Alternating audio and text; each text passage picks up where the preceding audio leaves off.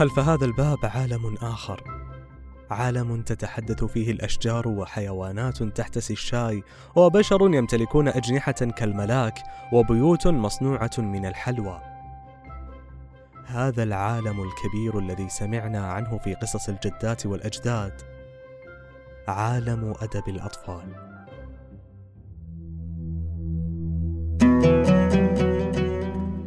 أنا عبد الله الجميل. وهذا بودكاست سوق الزل واللي راح نتكلم في حلقاتنا عن الفن والفنانين ونبحث مع بعض قديش الفن منا وفينا. راح تسمعون معانا الموسيقى المحلية والعالمية عن عمارة زها حديد وإبداع تطريز إلي صعب وسوداوية كافكا الله يستر منها. عن فلسفة لوحة الصرخة أو ليه عيون الموناليزا تلاحقنا بكل زاوية موسيقى، رسم، عمارة والكثير من الفنون اللي تنتظر ندرسها ونشوفها من زاوية أخرى. في هذا الموسم راح نتكلم عن فن الأدب وتحديدا أدب الرواية والقصة. لكن قبل نفرش الزل حابين نقول لكم خبر حلو. وهو إن بودكاست سوق الزل صار متوفر على اليوتيوب. بإمكانكم تستمعون لجميع الحلقات. راح تجدون الرابط في صندوق الوصف. والحين يلا نفرش الزل. غالبيتنا كبر على قصص مثل العنزات الثلاث وليلى والذئب وجحا والحمار. سمعناها من جداتنا أو قرأتها علينا أمهاتنا.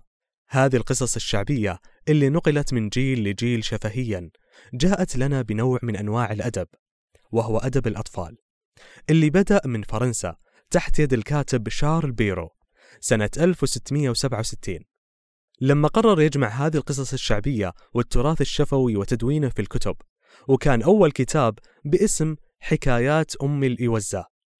وبعدها بمئة عام في ألمانيا ظهر كتاب حكايات الأخوين جريم بعنوان حكايات الأطفال والبيوت. جمعوا فيه كثير من القصص الشعبية مثل سندريلا وبياض الثلج والأقزام السبعة والأميرة النائمة وترجمت هذه القصص ل 140 لغة منها العربية طبعاً.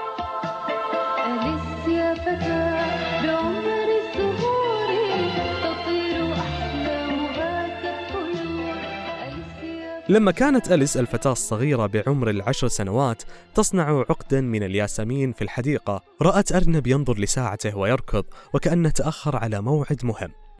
أليس جرها الفضول ولحقت بالأرنب حتى سقطت معه في حفرة ووجدت نفسها فجأة في قاعة كبيرة أبوابها مقفلة.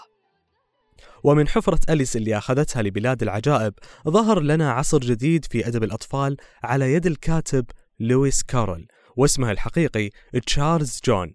تشارلز كان معلم رياضيات وكتب مؤلفات علمية كثيرة في الجبر والهندسة لكنه كان يحب حضور الأطفال ويسعد بحكي القصص لهم. كان يستمد طاقة من شقيقاته السبع ألف قصة أليس في بلاد العجائب ونشرت في حياته وترجمت للغات كثيرة وصارت من أكثر الأعمال الكلاسيكية الشهيرة في الأدب الإنجليزي. المفارقة هنا أن تشارلز توفي ولم ينجب أطفال لكنه خلد لهم أعماله اللي تعاقبتها أجيال وأجيال كبرت وتربت عليها.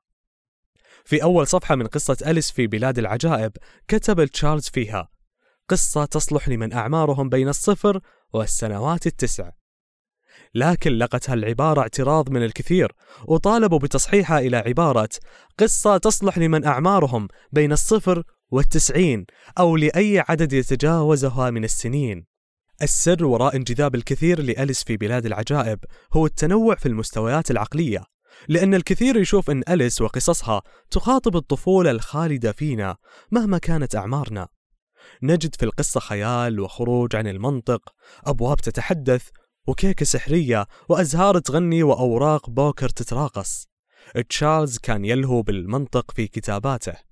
وهذا اللي تميز فيه أدب الأطفال بالفانتازيا والخيال وهالشيء خلاني أتساءل ليش دايم قصص الأطفال تتميز بخيال غير واقعي؟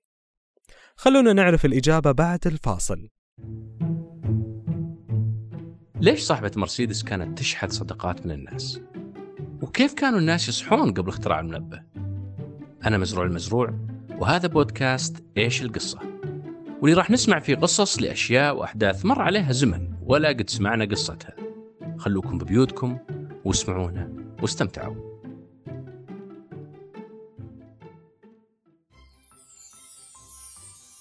الخيال والخرافات لقت شعبية كبيرة عند الأطفال إلا أن كثير من الأدباء نقدوا وجود الخيال في القصص حتى نشرت قصة أليس في بلاد العجائب واللي تعتبر بداية العصر الذهبي لأدب الأطفال. الخيال يسمح لنا نهرب من الواقع وهذا اللي جذب تشارلز لكتابة أليس. كان يهرب في قصصه الخيالية من رتابة الواقع وجدية الأمور. لكن ما هي فائدة الخيال للأطفال؟ الخيال موجود في حياتنا. إحنا كل يوم نتخيل أمور ونعيش تجربتها وكأنها حدثت في الحقيقة. كذلك الخيال في القصص يسمح لنا نجرب العالم بطريقة مختلفة ويسهل لنا وصول الفكرة المعقدة. ولأن الأطفال يولدون بمشاعر كاملة من الإنسانية والعاطفة والإثارة فالخيال يسمح لهم يعيشون هذه المشاعر ويشبع فضولهم ويجاوب على كثير من أسئلتهم لأن الخيال يخاطب عقول الأطفال.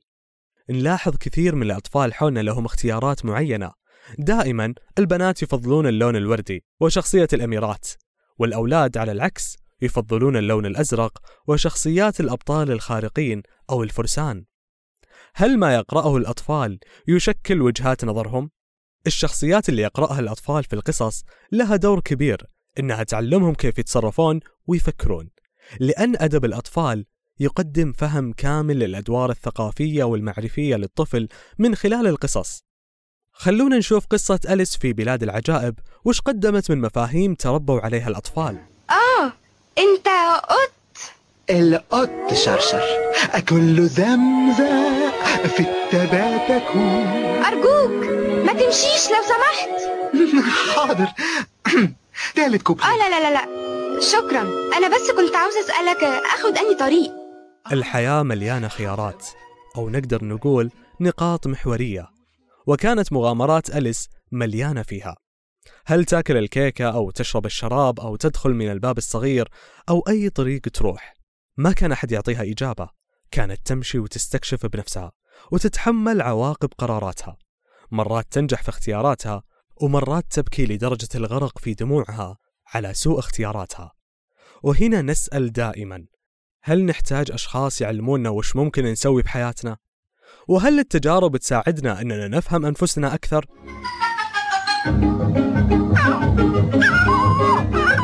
يو يا تينا ده حتة أرنب بجاكيتة بدلة وساعة. يا نهار مستعجل روقت واتأخرت أما غريبة جدا. يا ترى الأرنب ممكن يتأخر على إيه؟ لحظة. يا أستاذ. روقت روقت وخلاص ضاع مني الوقت. ولا في hello ولا في bye bye روقت واتأخرت دي أكيد حاجة مهمة جدا. زي حفلة مثلا. يا أستاذ أرنب استنى. لا لا لا لا لا لا, لا. مش عارف إزاي. وده حصل إزاي؟ ولا في باي باي ولا في اهلان روقت واتأخرت ياه مكان عجيب قوي يعملوا فيه حفلة عارفة يا تينا الحقيقة مش لازم إننا آه ندخل هنا أولا إحنا ما اتعزمناش والفضول ممكن يوقع الواحد في مشاكل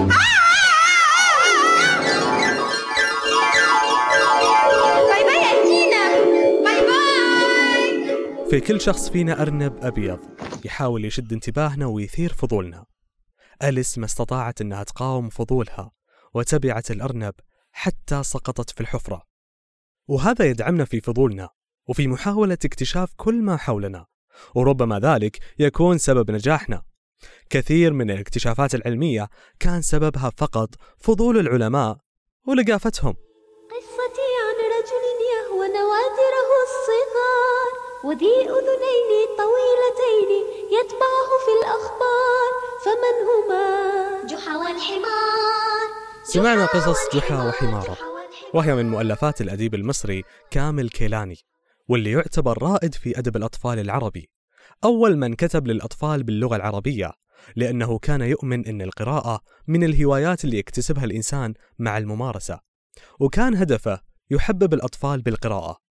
واللي يميز كتابات كامل الكيلاني هي تعزيز الأخلاق بطريقة غير مباشرة. يعني أنه لا يتقمص دور الواعظ ولا يلقي الخطب بطريقة مملة. جميع كتاباته كانت توصل المعاني والمفاهيم العميقة بلغة بسيطة وممتعة. وكثير من الأدباء العرب ما استطاعوا الدخول في عالم أدب الأطفال. منهم الكاتب نجيب محفوظ اللي يرى أن أدب الأطفال هو السهل الممتنع. وبين هذه الكلمتين بحر واسع من المصطلحات والأدوات اللغوية والتقنيات الصحيحة لأدب الأطفال اللي ممكن مع الأسف يتجرأ فيها البعض وينطلق منه فكر ساذج وسطحي لا يفهم معنى الطفولة. أما الإبداع في طرح الفكرة فهي بعيدة تماما عن التلقين المباشر، بل العكس تحمل القصة الإبداعية الطفل من عالم إلى عالم آخر بانسيابية وحبكة متماسكة، من قصص شعبية تتناقلها الأجيال إلى أن صار أدب يدرس ويكتب وينشأ عليه جيل من الأطفال ولا يتوقف دور الأدب على التربية والنشأة لكن يخلق لنا قراء ومثقفين شاركونا وش كانت قصصكم المفضلة أيام الطفولة وهل أثرت عليكم بعد ما كبرتوا؟ وإلى هنا كانت آخر حلقة من سوق الزل للموسم الثاني تحدثنا كثير عن الأدب وعن الرواية تحديدا اللي أضافت لحياتنا متعة معنوية وروحية. أخذتنا الروايات في قصص تاريخية وملحمية وكثير منها خيالية لأن الأدب مرآة لكل زمان ومكان. يسعدنا جدا تقييمكم للبودكاست. شاركونا رأيكم في التعليقات واللي راح نقرأها جميعها واحد واحد. كنت معاكم أنا عبد الإله الجميل ويومكم سعيد.